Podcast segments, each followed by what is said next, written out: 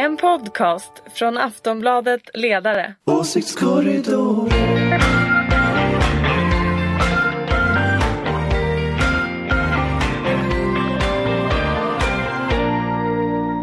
Hej och välkomna till Åsiktskorridoren. Det är den sista september idag, hösten står för dörren och Socialdemokraterna krisar vidare. Eller gör de det? Eh, vad händer egentligen i det parti som en gång kallades för världens mest framgångsrika? Det är det vi ska prata om idag och med oss för att göra det har vi Ulrika Schenström på telefon. Hallå Ulrika! Yes, hallå, Ja. direkt från Milano. Direkt från Milano och ska snart gå ombord ett plan så du hänger med oss så länge du kan. Yes. Yes. Och i studion här med mig sitter Paja Mola. Jajamän. Han är redaktör för den socialdemokratiska idétidskriften Tiden. Vi har Somar Al-Naher. Ja, eh, hon har varit på Aftonbladets ledarredaktion och Yes. eh, skriver nu ledare bland i ETC. Eller hur? Precis. Ja. Och, och gått över till konkurrenten Expressen Kultur. Expressen Kultur dessutom. Det vet inte vi ens. Vad är det för något? Den där oförskämda människan är den allestädes närvarande Anders Lindberg, chef Hej, hej. för Aftonbladets Tänk er att jag hade honom som chef en gång Ja, i tänk, tiden. Va? tänk. Välkomna hit allihop. Tack. Eh, jag heter Anna Andersson kanske vi ska säga. Som sagt, vad sker inom socialdemokratin? Det är det som är temat för dagens podd. Eh, I Dagens Nyheter idag så kunde man läsa att namnkunniga socialdemokrater pressar partiledningen för att skärpa framförallt migrationspolitiken. Eh, jag antar att ni har läst vad Dagens Nyheter skriver. Ja. Känner ni igen det? Payam?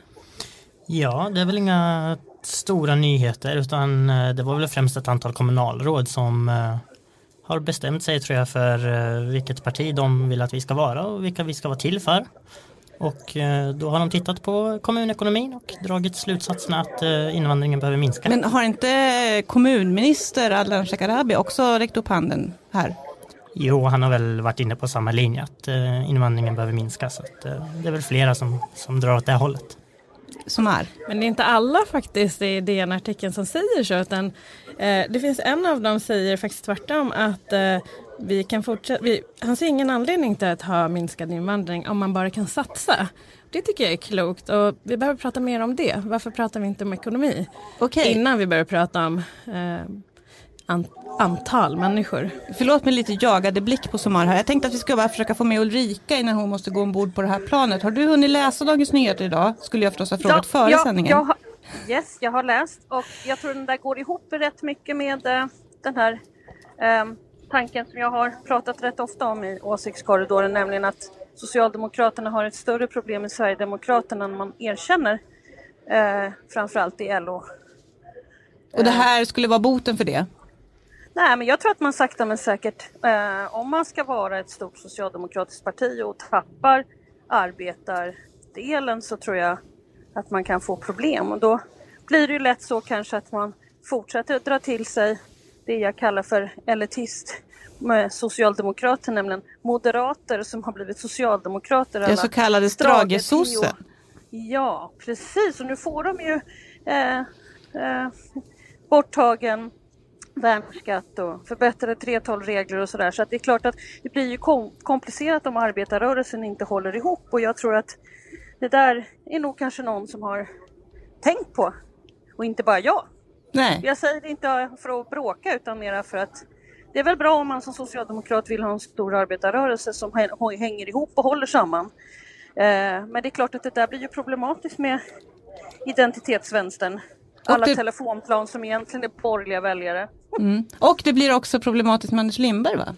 Nej, men får jag bara inflika där. Jag tror också så här, det där är en, en analys som utgår från att arbetarklassen är vit, homogen, bor ute i eh, landsbygden och det är, det är ju jättefel.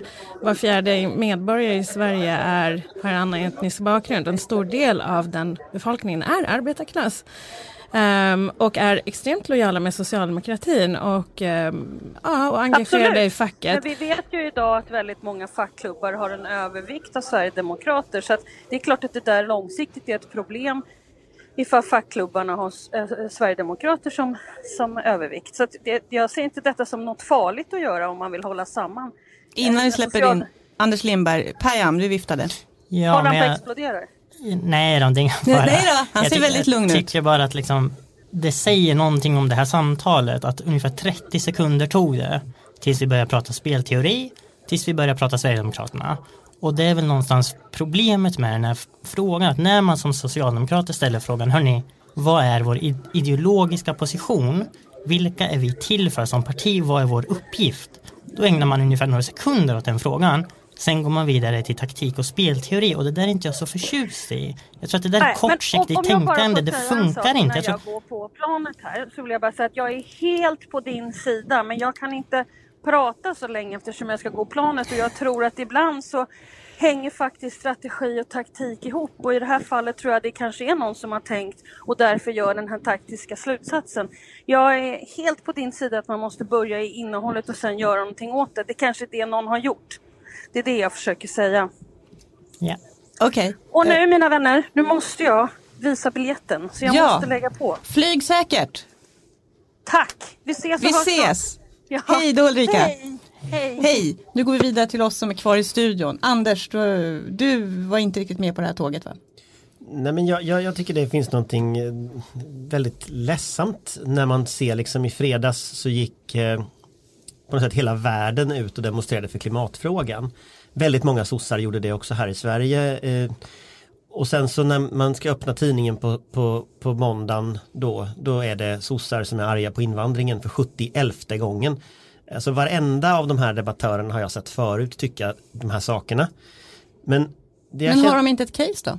Alltså det, det jag känner är ju någonstans så här att, att Förra våren, 2018 på våren, då försökte ju sossarna prata om, om minskad invandring, man pratade om att man skulle förbjuda tiggeri, det var massa sådana saker. Och då föll partiet som en sten, det var en riksdagsledamot som hoppade av, det blev en jättekonflikt internt. Sommaren fick man sen ägna åt och, och blev utskälld av facket för att man inte pratade välfärd och sen när man väl började prata välfärd så, så gick ju siffrorna upp igen och man fick liksom stöd av människor och så.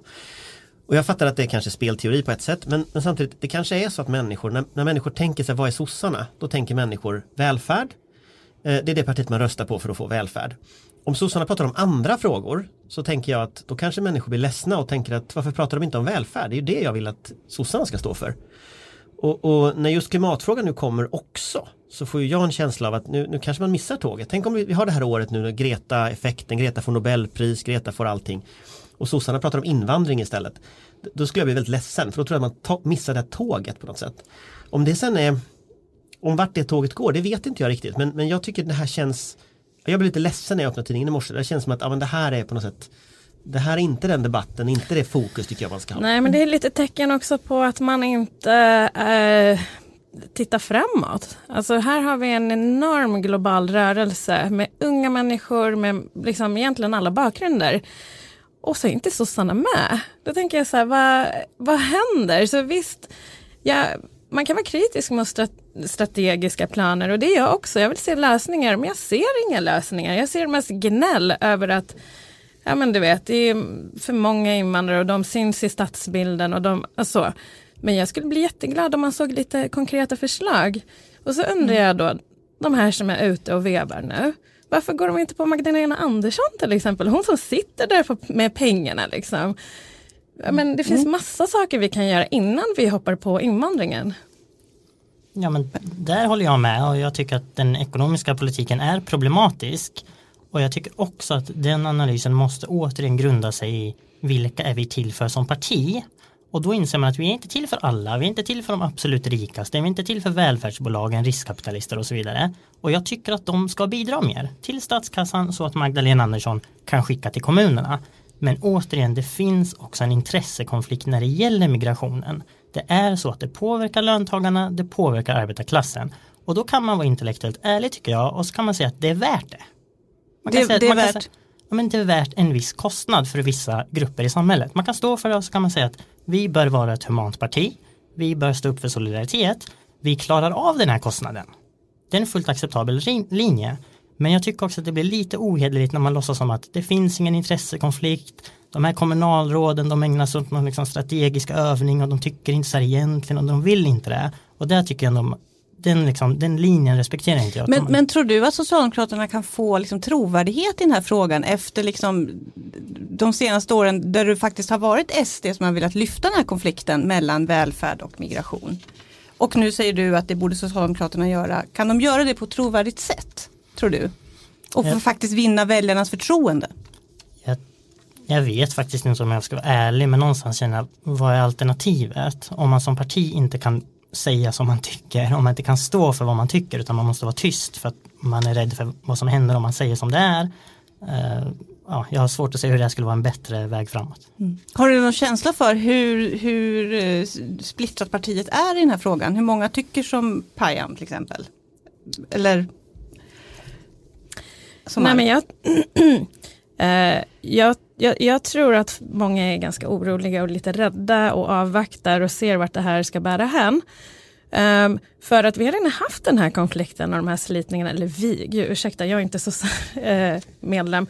Men um, alltså de här konflikterna har ju redan existerat, vi har redan uh, nu säger jag vi, gud vad är det här för freudianskt? Partiet! en gång partist, alltid partist. Eh, nej men så de har, redan, de har redan funnits, man har gått igenom dem, kongressen 2017, det finns en överenskommelse, en kompromiss. Varför riva upp det här nu igen? Jag förstår inte riktigt syftet faktiskt.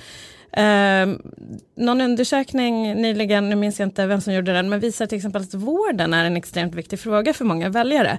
Varför pratar man inte om vården? Förlossningsvården, eh, cancerpatienter, eh, massa frågor är superviktiga för väljare här. Men istället då ska en del sossar väcka den gamla frågan om eh, migrationspolitiken. Det är helt obegripligt faktiskt.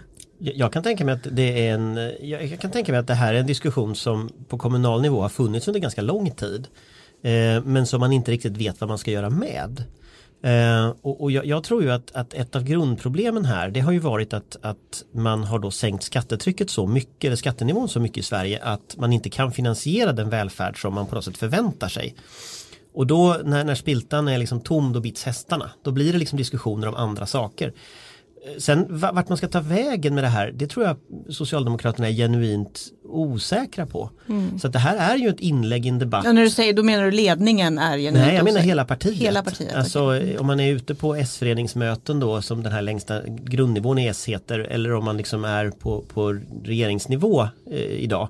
Det, det, tror jag är sak samma, man är samma på en värdekonflikt och man, man har lite svårt att hantera den här just nu.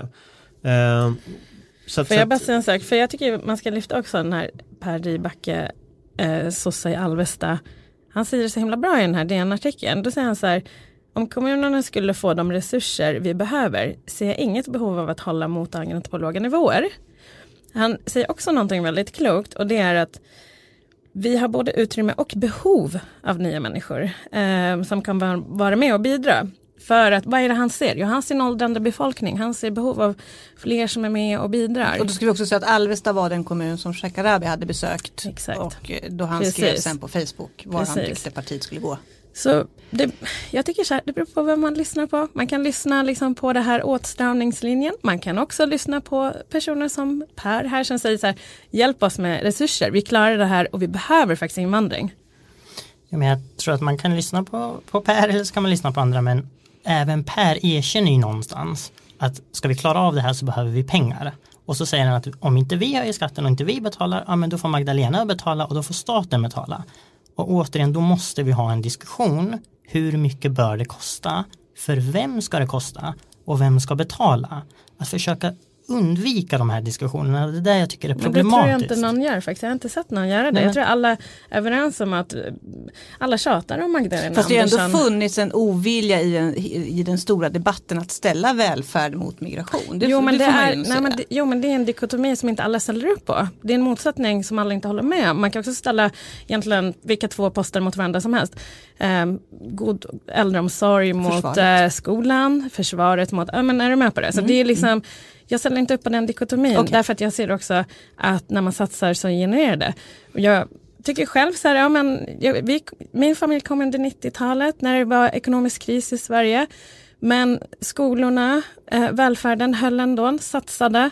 Eh, alla i min familj har utbildat sig, jobbar idag. Så jag menar bara en sån, och samma sak med Ardalan.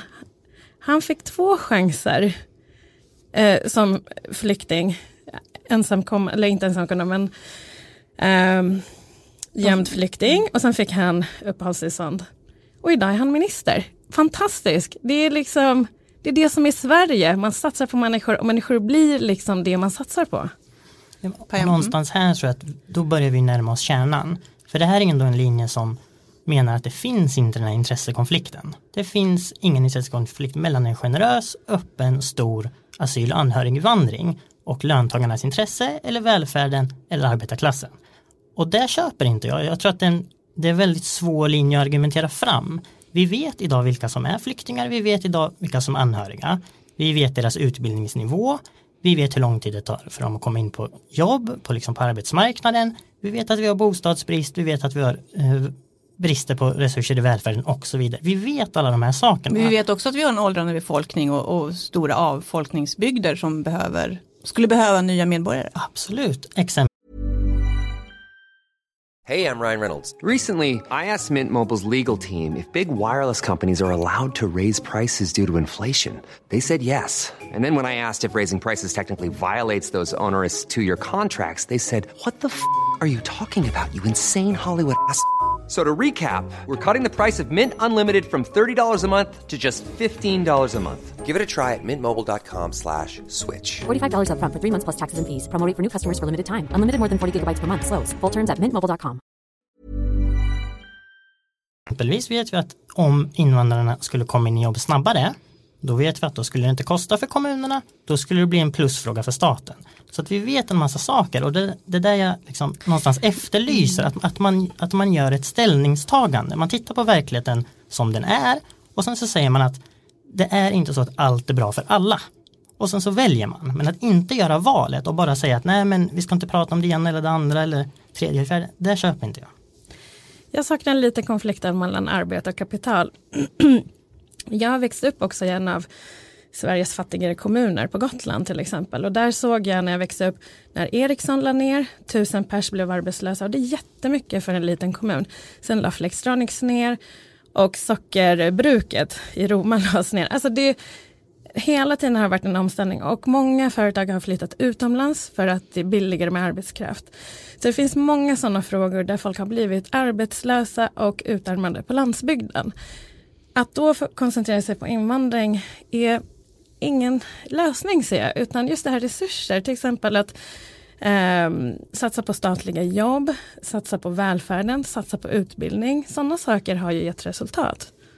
Får, jag bara ställa en annan fråga i det här? Alltså för det är ju så att vi har idag, det har fått ungefär 14 000 människor har fått asyl, eh, eller har sökt asyl i, Sverige i, år hittills.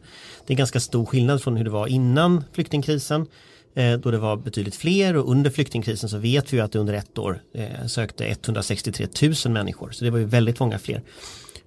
Hur långt ner, om man ska liksom tänka vidare det här programmet som de här lanserar, hur långt ner behöver man sänka den invandringen för att nå en punkt när den här, de, här, de här personerna bakom det här utspelet är nöjda? Jag väcker frågan till dig, vad tror du? För jag är nyfiken på jag, det. Jag tror man får ju fråga kommunalråden och min bild är väl att det är lite olika förutsättningar i olika kommuner. Eh, de har olika förmåga att integrera de här människorna på arbetsmarknaden, på bostadsmarknaden och så vidare. Så att hur det ser ut i olika kommuner får man nog fråga dem. Min ingång har ju varit att Sverige behöver en lägre invandring än vad vi historiskt har haft. Så att vi, jag vill att vi ska lägga oss på nivåer som är lägre än liksom vårt historiska snitt. Och idag så är vi ju inte där om man räknar med både asyl och anhöriginvandringen. Jag tänkte på en sak, även om nu säger så här vi ska inte prata spel och taktik och så här så har man ju, har ju ändå partiet en, en verklighet att förhålla sig till och det är ju inte bara det egna partiet utan det är ju även parti, att de har inte majoritet, man måste samarbeta med någon och just nu sitter man i ett samarbete med till exempel Centern och Miljöpartiet som ju inte vill skärpa migrationspolitiken men som ju inte heller vill satsa jättemycket på statliga jobb och så vidare. Hur ska Socialdemokraterna förhålla sig till det? Jag tycker att man ska berätta vad man vill. Man ska vara visionär, man ska säga vad man vill. Sen utifrån, och vara ärlig att det är det här vi kan genomföra utifrån förmåga.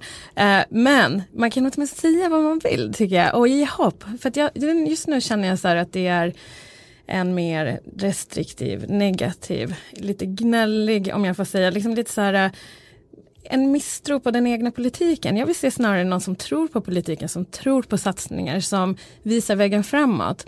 För det finns en risk också med, om vi ska prata taktiskt, det är att om man pratar om det sättet som SD gör, då ger man dem också rätt i sin samhällsanalys. Så jag tycker så här, för att slå SD måste man också säga, så här skulle vi klara invandring, jobben och så vidare. Så här värnar vi om landsbygden. Så att det är det jag är lite orolig för, att man också ger lite för mycket utrymme för SDs tolkning och analys av samhället. Vilket är helt onödigt och obegripligt faktiskt om jag ska vara ärlig. Ja, när det gäller frågan om, om Centerpartiet och Miljöpartiet så där håller jag med som att man, man måste stå upp för vad man tycker som parti. Och det gäller ju alla politikområden. Det vore jättekonstigt om vi slutade driva förslag om höjda skatter på banker eller höjda pensioner för då blir Centerpartiet och Miljöpartiet sura. Utan där måste vi vara glasklara och jag ligger till vänster ekonomiskt så att där tycker jag att partiet borde skärpa sig och liksom höja den konfliktnivån. Men på samma sätt som man ska vara tydlig där så tycker jag att man ska vara lika tydlig när det gäller migration. Anders, har du något att Nej jag vet inte, det här är ju ett jätteproblem naturligtvis. Man sitter ju i en regeringskonstellation som bygger på, på rätt sida historien, eh, liksom en story som handlar om att man ska på något sätt ta avstånd från Sverigedemokraterna. Samtidigt så är det ju så, jag, det tycker inte sossarna om när man påpekar, men det är klart de har ju anpassat en del av sin politik efter SD, det har ju Moderaterna också gjort. Eh, och, och, det är klart att i det läget så, så blir ju själva grunden för regeringskonstellationen, den blir lite skakig. Miljöpartiet kommer ju aldrig gå med på minskningar i asylinvandringen. Centerpartiet kommer aldrig gå med på minskningar i arbetskraftsinvandringen. Eh, så att, så att du har liksom, det är två frågeställningar här som, som gör att vill du ha den regering du har och jag skulle inte bli jätteförvånad om Centerpartiet sitter i regeringen eh, innan, kanske inte innan den här mandatperioden men sen liksom. Det är klart att hela Löfvens projekt bygger ju på det här liksom mittensamverkan med de här partierna. Och det, på ett sätt bygger det ju på att ha en lite mer liberal syn på invandring än Moderaterna har. För det var ju den stora konfliktfrågan i höstas. Så att, så att jag, jag tror att, jag vet inte vart det tar vägen. Jag vet inte, det, jag tycker det är en knepig, liksom, knepig fråga. Om, om, om, man, om man ska ändra politik på det här området så ändrar man ju fundamenta för regeringsbildningen på ett sätt. Mm. Eh, alltså jag så tänkte också man kan ju titta ut lite grann på eh, Socialdemokraternas systerpartier runt om i Europa och till exempel titta på Danmark. Det, ju, de har, det partiet rönt framgångar med just en skärpt migrationspolitik eh, samtidigt som man satsar på välfärd och eh, klimat. Framför, lite förenklat kan vi säga så. Eh, Anders, är inte det någonting också för svenska socialdemokrater att lära av?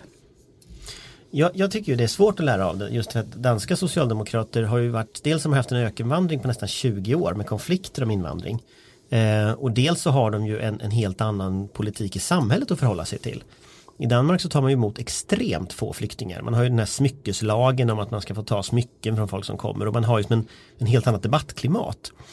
Däremot när det gäller miljöfrågan till exempel så tycker jag det finns mycket att intressera sig för för danska S.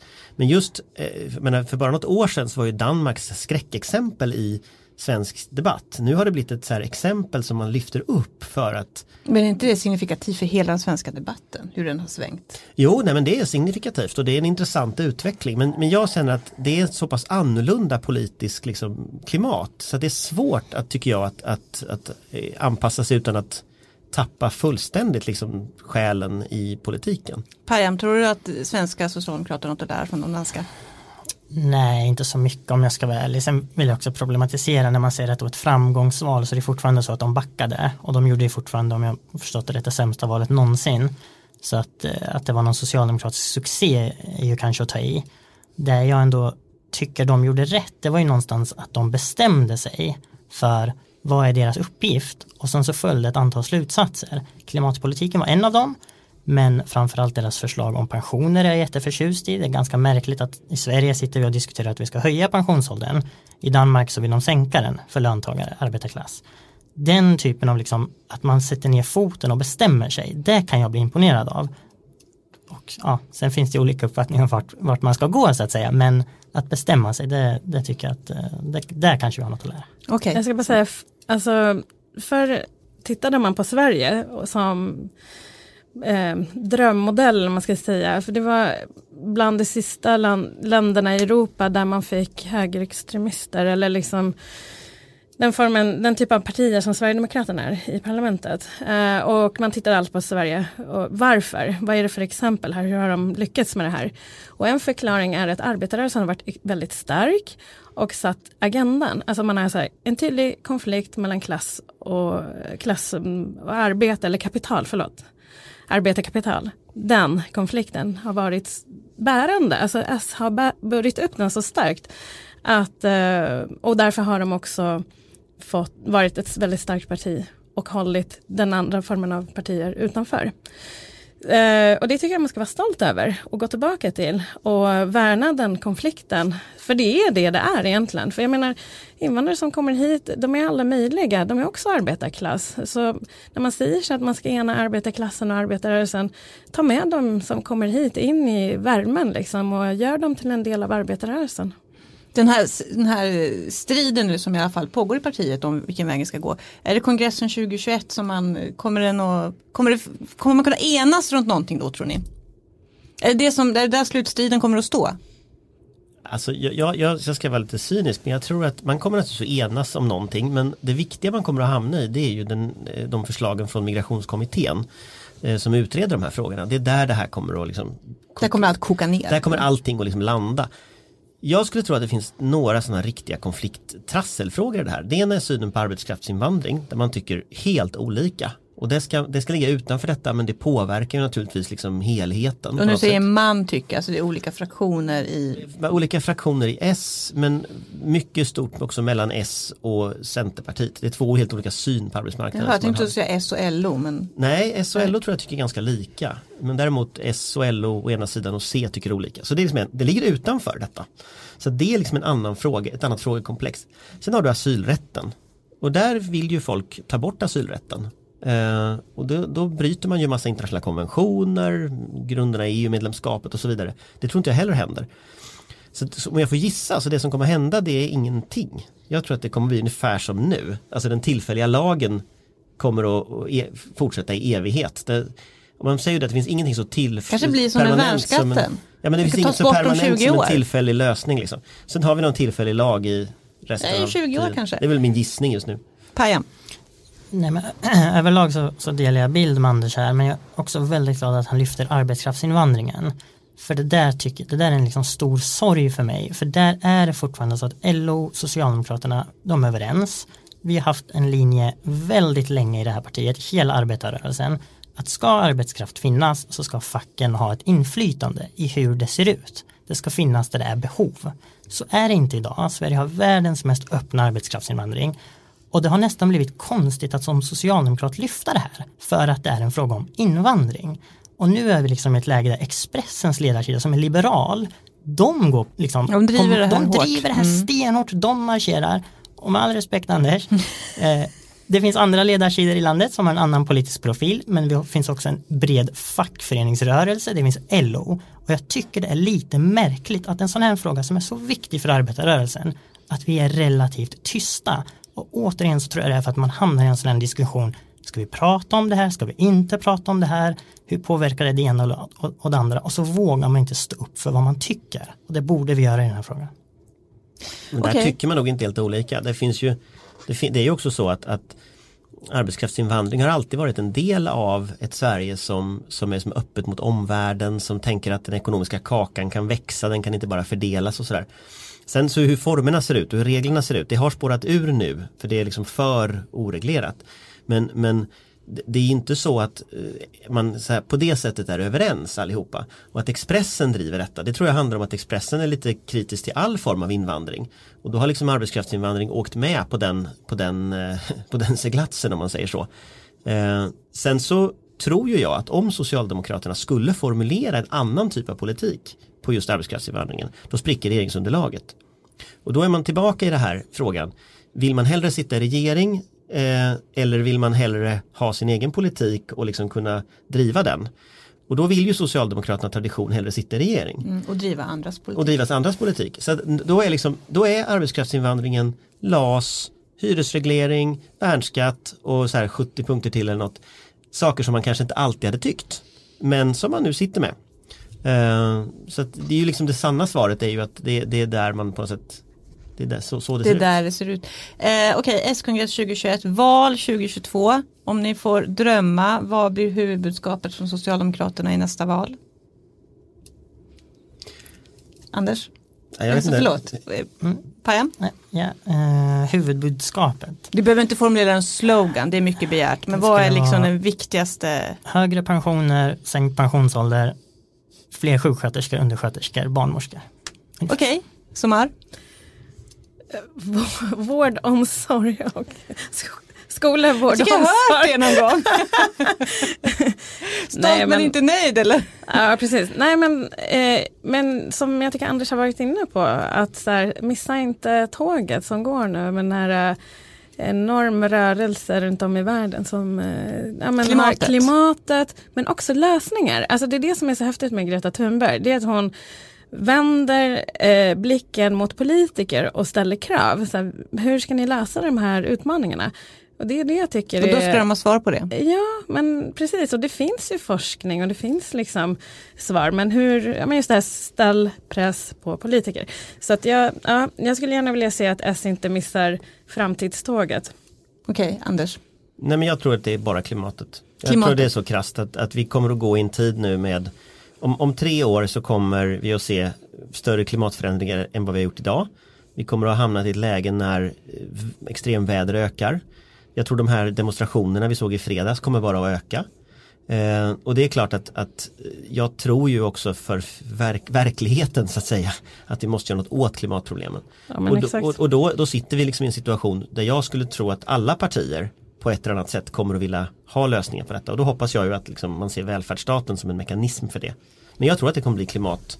Och jag Du tror på klimatet? Ja, och jag tror att alla andra frågor Jag tror den här invandringsfrågan till exempel Den är på ett sätt ett, ett, ett eko från 2015 Som är obearbetat eko Men det är ändå så att om 2022 då är det sju år sedan liksom, det hände Det är klart att andra frågor kommer att dominera tror jag Då får vi avrunda där. Tack så hemskt mycket Paja Mola som har alla här och Anders Lindberg. Vi hörs nästa vecka. Tack ska ni ha. Hej då! Hej.